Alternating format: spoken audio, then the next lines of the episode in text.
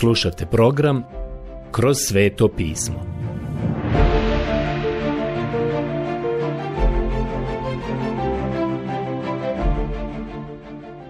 Knjiga Postanak. Odlomak Postanak poglavlje 34. Prijatelji, ako danas imate svoju Bibliju, hoćete li s nama otvoriti 34. poglavlje knjige Postanka? U 34. poglavlju vidjet ćete da još uvijek govorimo o Jakovu. Mnogo se govori o Jakovu. On je veoma živopisan lik i on zasigurno privlači pažnju. U njegovoj porodici ističe se jedna stvar, a to je da se uvijek nešto događa. Nema dosadnog trenutka. Stalno imamo prilično dosta uzbuđenja. Tu su i velike duhovne lekcije koje su zapisane i nalaze se ovdje zbog nas sada dolazimo do nekih veoma tužnih stvari. Ovo 34. poglavlje nije baš lijepo poglavlje. Zapravo, imamo tri poglavlja u knjizi Postanka koja nisu nimalo lijepa, a sva ta tri poglavlja se tiču Lejne djece. Lea je najstarija Labanova kćerka koju je on dao Jakovu i mislim da je to dokaz činjenice da Bog ne odobrava više brakova. Jakov je imao tu situaciju, ali zapravo to je Jakovu na izvjestan način bilo nametnuto, iako to nije opravdanje ili nešto što bi tu situaciju učinilo ispravnom. Mi ovdje vidimo da se Jakov, ako ništa drugo, složio sa tim. Ovdje u ovom dijelu vidimo i to da su sva Lejna djeca bila uključena u grijeh. Lea je imala četiri dječaka, Šimuna i Levija, a također i Judu. A u 35. poglavlju bavit ćemo se još jednim od njenih sinova, a to je Ruben njen prvorođenac. Nažalost, svaki njen sin je ispao prilično loše, barem kada je u pitanju grijeh u njihovom životu. Ovdje postoji još nešto što treba zapaziti. Bavimo se porodicama. Bog stavlja naglasak na porodice. Puno smo već rekli o problemima koji su bili u svim ovim porodicama, ali sada možete primijetiti još jednu stvar koja se pojavila. To je činjenica da postoji prljavština, Postoji bezobraznost koja je prodrla u Jakovljevu porodicu, a koja nije postojala u porodici Abrahama ili Izaka. Imali su velike poteškoće i imali su problema, ali ništa kao što možemo vidjeti sada kod Jakova. Ovo nas podsjeća na činjenicu da je Bog htio izvući Jakova i njegovu porodicu iz Labanovog doma, iz te atmosfere, Zbog same te atmosfere koja je pripomogla i bila plodno tlo za sve te grozne grijehe koji se ovdje spominju. Dok čitam ovaj odjeljak, molim vas zapazite da se Jakov zaustavio ovdje u Šekemu. I on je kupio jedno lijepo malo mjesto u predgrađu i on se pokušava uklopiti i uskladiti sa tadašnjom kulturom. Ali to nije bilo dobro mjesto. Bog želi odvojiti ovog čovjeka od tog područja. I vjerujte mi, nakon što pročitate ovo poglavlje, doći ćete do zaključka da je bolje da se odvoji. Sada ću da čitam iz 34. poglavlja knjige Postanka. Dina, koju je Lea rodila Jakovu, izađe jednoga dana da gleda kćeri te zemlje. Otišla je posjetiti ovaj grad Šekem. A ugleda je Šekem, sin Hivica Hamora, kneza te zemlje, i ugrabi je i silova je. Knjiga Postanka 34 od 1 do 2. Bila je silovana. Mislim da je propovjedaonica danas postala slaba i nije više jaka. Sa propovjedaonice se ne koristi jezik vremena u kojem živimo. I ne mislim pri tome na sleng, već postoji mnogo načina na koje se danas može snažno govoriti sa propovjedaonice. Grijeh treba biti jasno opisan i etiketiran. Postojalo je vrijeme kada je grijeh bio grijeh, a sada je sve to razvodnjeno. Ali to nije način na koji Bog posmatra grijeh. Pred sobom imamo jednu veoma sređenu priču. Veoma je zanimljivo to da je ovaj mladić Šeke očigledno bio zaljubljen u ovu djevojku Dinu i da je namjeravao oženiti se njom. Zapazite sada treći stih. I prionu njegovo srce za kćer Jakovljevu Dinu. On zavolje djevojku pa joj se udvarao. On se stvarno želio oženiti njom, i oženio bi je. Zato zamoli šekem svog oca Hamora.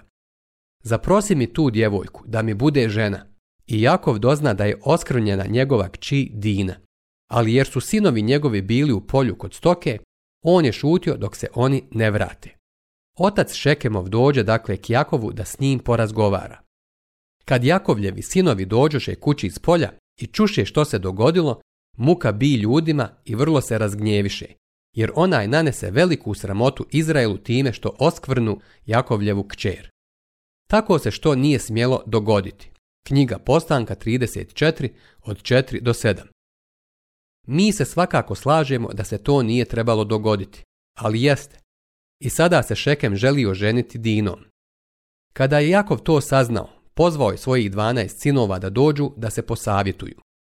Ja sam mišljenja da se Jakov vjerovatno nije morao toliko angažovati u vezi toga. A kada mu je došao Hamor, Šekemov otac, bilo je očigledno zbog čega je došao. Želio je tu djevojku isprositi da bude žena njegovog sina. Jakov je vjerovatno trebao popustiti i to prihvatiti. Jer je u tom trenutku, da tako kažem, to bio izlaz iz te teške situacije. To je sigurno ono što su njih dvojica i dogovorili. To nikako nije bilo najbolje rješenje. Bog to nije odobrio. Hamor im predloži ovo. Srce mojega sina Šekema prionu za vašu kćer, pa dajte mu je za ženu. Sprijateljite se s nama, kćeri udajte za nas i našim se ženite. Knjiga postanka 34 od 8 do 9 Iskreno, to bi bilo pogrešno da se međusobno žene i udaju, ali mislim da bi bilo ispravno odnosno da mu je vjerovatno trebao dati dinu zbog onoga što se nažalost desilo. Molim vas, obratite pažnju na ono što je uslijedilo. Prebivajte kod nas, zemlja neka vam stoji otvorena. Ostanite ovdje, idite slobodno po njoj i naselite se u njoj. Knjiga Postanka 34.10 Sve ovo nam ukazuje na to da će Jakov morati krenuti dalje, da ovo nije mjesto za njega – jer bi se tu miješao sa ovim ljudima u toj zemlji. Dalje reče Šekem njezinu ocu i braći. Da bih ipak našao milost u vašim očima, što zatražite od mene, daću vam. Zaištite od mene koliko god hoćete otkupa i ženitbenih darova. Ja ću vam dati što vi od mene zahtijevate. Samo mi dajte djevojku za ženu.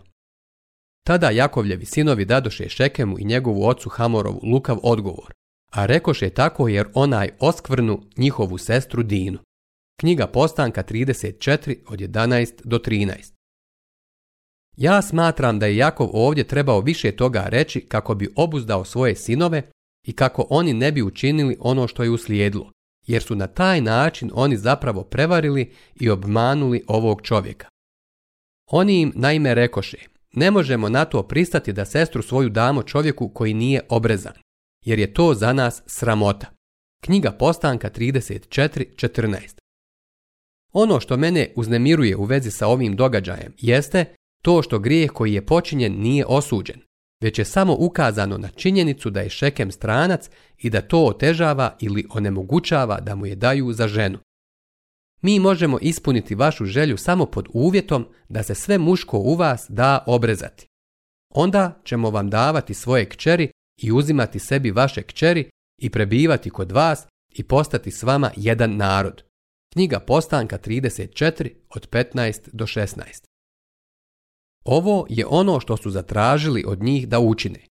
Prođite kroz ritual obrezivanja. Ovo bi danas trebalo biti upozorenje mnogima. Znam jednog momka koji je oženio djevojku. Rekao joj je da će prihvatiti gospoda. Oni su zapravo došli kod mene na savjetovanje i zamolili su me da obavim ceremoniju vjenčanja. Naravno da nisam to želio jer on nije bio kršćanin i ta djevojka je tvrdila da se neće udati za njega ako ne postane kršćanin. Kada je on došao kod mene, ja sam razgovarao sa njim. Rekao je da će prihvatiti Krista. I onda smo se zajedno pomolili i tada sam ga upitao. Ta si ti sada zapravo učinio. Nikada prije toga nisam čuo takvo izbjegavanje i okolišanje kao kod tog mladića. I tada sam vrlo iskreno pred njim rekao, mlada damo, ja neću izvesti ceremoniju vjenčanja. Ne mislim da se ovaj mladić obratio. Oni su to doživjeli kao da sam bio vrlo grub, pa su otišli dalje niz ulicu i pronašli drugog propovjednika. On je obavio ceremoniju vjenčanja. Kasnije mi je rekla da ga je pokušala natjerati da ide u crku, ali naravno on je imao dobar razlog zašto nije došao da me sluša kako propovjedam jer sam bio tako okrutan prema njemu. Ona je zatim pristala ići u drugu crku i otišli su tamo zajedno dva ili tri puta, a onda joj je on na posljedku otvoreno rekao ja zapravo nisam pravi kršćanin. Samo obaviti neki obred ili proći kroz neku ceremoniju, čak i reći da vjeruješ Kristu ne znači da si kršćanin. Ne znači ni ako se pridružiš crkvi, Vidim da danas jako puno ljudi misli da su kršćani ako samo klimaju svojom glavom. Čini se da im vjera ne znači mnogo. Prijatelji, najznačajnije je vjerovati Kristu kao svom spasitelju. Ne postoji ništa slično. Ni sa čim se to ne može usporediti na ovom svijetu. Kada vjerujete Kristu kao spasitelju, On čini nešto za vas. Ništa nisam učinio za tog mladića. Mark Twain je imao isto iskustvo nije bio kršćanin i bio je zaljubljen u vrlo lijepu, divnu kršćansku djevojku i nije se htjela udati za njega dok ne postane kršćanin i ispovijedao je da prihvaća Krista kao svog spasitelja. I krenuli su tako. Mark Twain je postao vrlo slavan, kao što znate, i bio je u kontaktu sa poznatim ljudima iz svijeta. Kretao se u tom društvu. Jednog dana kada se vratio u svoj dom u Mizuriju, Rekao je svojoj ženi kada je ona htjela ići u crku. Vidi. I nazvao ju je ljubkim imenom koje je imao za nju i nastavio je govoriti sljedeće. Ja ne mogu sa tobom. Ti i dalje idi u crku. Ja sada znam da nisam kršćanin. Mogu reći da je to njihov dom učinilo vrlo nesretnim i apsolutno je pokvarilo život ove ljubke kršćanske djevojke. Tako smo ovdje vidjeli ove ljude koji govore ako prođete kroz obred obrezivanja, sve će biti u redu. Mnogi ljudi misle da ako se pridruže crkvi, klimaju glavom i znaju koristiti pravi riječnik i citirati prave stihove, to znači da su kršćani. Prijatelju moj, to ne znači da si kršćanin. Ako si povjerovao Kristu, nešto se dogodilo i stvari su sada drugačije ako si povjerovao njemu. Sada slijedi veoma zanimljiva stvar. Zapazite šta se dogodilo. Njihov se prijedlog svidje Hamoru i Šekemu sinu Hamorovu. I mladi se čovjek nije skanjivao da prijedlog izvrši, jer je volio Jakovljevu kćer i bio je najugledniji u svoj svojoj kući. Knjiga Posanka 34 od 18 do 19. Rekao bih da ovaj mladić radi časnu stvar u ovom trenutku. I otiđoš je Hamor i njegov sin Šekem ka gradskim vratima i rekoše ljudima svojega grada. Ovi su ljudi miroljubivi prema nama, pa neka ostanu i stanuju u zemlji i neka slobodno idu po njoj. Zemlja ima na sve strane dosta prostora za njih. Njihove kćeri uzimat ćemo sebi za žene i davat ćemo im za to svoje kćeri. A ljudi će pristati da se nastane među nama i da postanu s nama jedan narod samo pod uvjetom da se među nama sve što je muško da obrezati, kao što su oni sami obrezani njihova stada i njihovo imanje i sva njihova goveda. Neće li nam onda dobro doći? Udovoljimo im dakle da ostanu i nastane se kod nas.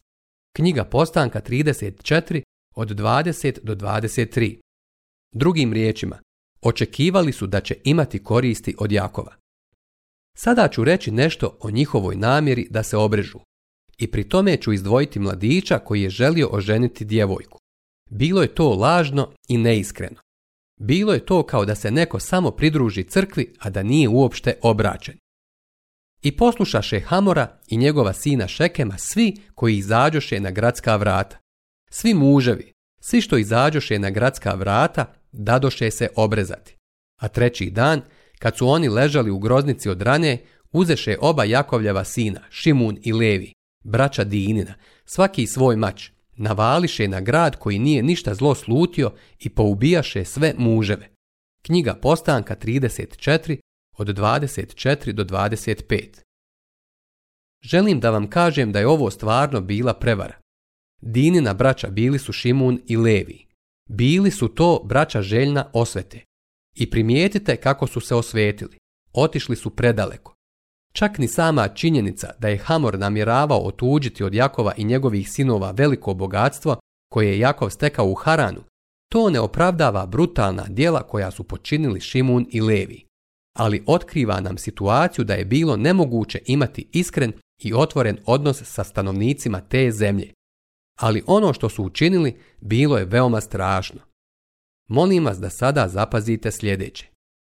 Ubiše i Hamora i sina mu Šekema mačem, uzeše Dinu iz kuće Šekemove i otiđoše. Ostali sinovi Jakovljevi navališe na pobijene i oplijeniše grad jer oskvrnuše njihovu sestru. Knjiga Postanka 24 od 26 do 27. U to su se uključili i ostali sinovi. Ovo nam otkriva nešto u Jakovljevoj porodici. Kao što vidite, ono što su naučili u Labanovoj kući nije bilo ispravno. Uzeše njihove ovce, goveda i magarce, sve što je bilo u gradu i u polju. Sve njihovo imanje i svu njihovu djecu i žene pohvataše i odvedoše i ugrabiše sve što je bilo u kućama. Ali Jakov reče Šimunu i Leviju, baciste me u nesreću, jer me omraženim učiniste stanovnicima ove zemlje, kanancima i perižanima. Ja imam samo malo ljudi. Ako se oni dignu na me, Ubit će me i onda sam propao, ja i moja kuća. Knjiga Postanka 34 od 28 do 30. Zapazite ovdje nešto u Jakovljevom životu što očigledno nije u redu. Jakov prekorava Šimuna i Levija što su ga omrznuli kod stanovnika te zemlje. On kaže, sada će me svi progoniti. On ih uopšte ne kori za grijeh koji su počinili. To je veoma zanimljivo. Mislim da mi danas ponekad imamo pogrešnu perspektivu kada razmišljamo o grijehu i našim dijelima. Mislimo na posljedice koje će taj grijeh imati. Danas u crkvama imamo mnogo ljudi i žena koji neće zauzeti jasan stav o određenim pitanjima. Zašto? Zato što njihovo malo okruženje možda to neće prihvatiti. Oni su sa svojom malom klikom i ne usuđuju se ustati za nešto za što ta njihova mala klika ne bi ustala. Nikada se ne pitaju da li je nešto ispravno ili pogrešno. Pitaju se samo da li će se to svidjeti drugim ljudima. Bože, smiluj se danas kršćanima koji svoj život oblikuju prema onima koji su oko njih i neprestano traže kakav će efekat njihovo ponašanje imati na druge. Oni ne gledaju da je neka stvar ispravna ili da je kršćanska stvar, niti se pitaju da li oni kao Božja djeca trebaju nešto učiniti ili ne. To je razlog zašto su danas naše crkve pune ljudi koji pristaju na kompromise. Ne čudi me stoga što danas imamo toliko frustriranih i nesretnih kršćana. Kažem vam da je divna stvar zastupati istinu. Kada se zalažete za istinu, ne morate praviti kompromise. Bože, kako je divno kada tako činimo. Ali jadni naš Jakov, on raste, ali još nije dovoljno narastao. Možete biti sigurni u to. Vraćamo se na tekst i vidimo kako su se njegovi sinovi pokušali odbraniti. A oni odgovoriše, a je li on smio postupati s našom sestrom kao s kakvom bludnicom? Knjiga postanka 34.31 To je dobro pitanje. Ako su htjeli uzeti sud u svoje ruke, ja bih rekao da su prije svega trebali saslušati ovog mladića i pustiti ga da oženi njihovu sestru. To nikako nije bila ispravna stvar, ali to je bila jedina stvar koju je trebalo učiniti u ovim okolnostima.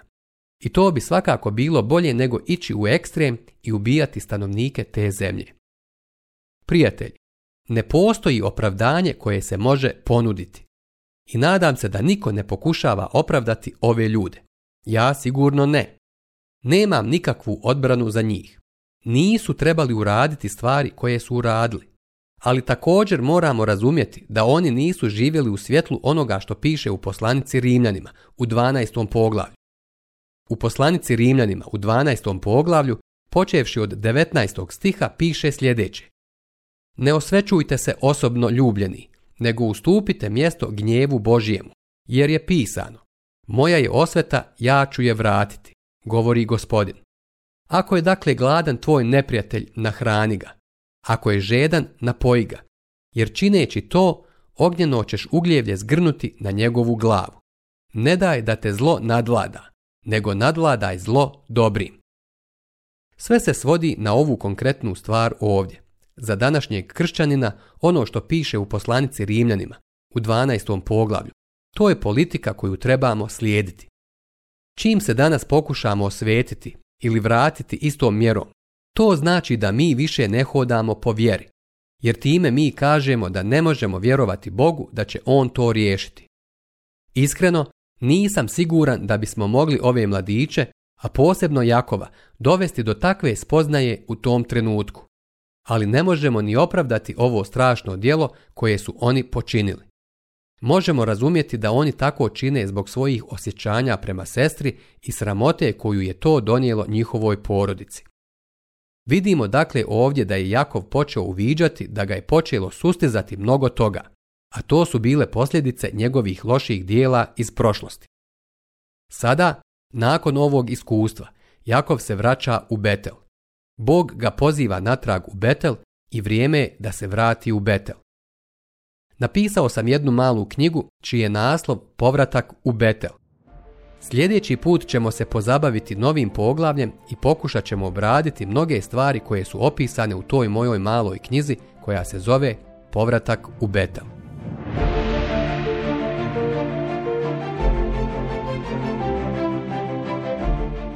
Slušali ste emisiju Kroz sveto pismo. Možete nas slušati i na našem YouTube kanalu putem mobilne aplikacije – te na svim glavnim podcast platformama kao što su Google, Apple i Spotify. Ako vam se naši programi dopadaju, preporučite ih i podijelite s drugima. Budite slobodni da ostavite svoj komentar ili nam pišite na našu e-mail adresu kroz svetopismo.bih at gmail.com Zapratite našu stranicu kroz sveto pismo BiH na Facebooku i na Instagramu Emisije iz ove serije možete pronaći na našoj stranici ttb.twr.org.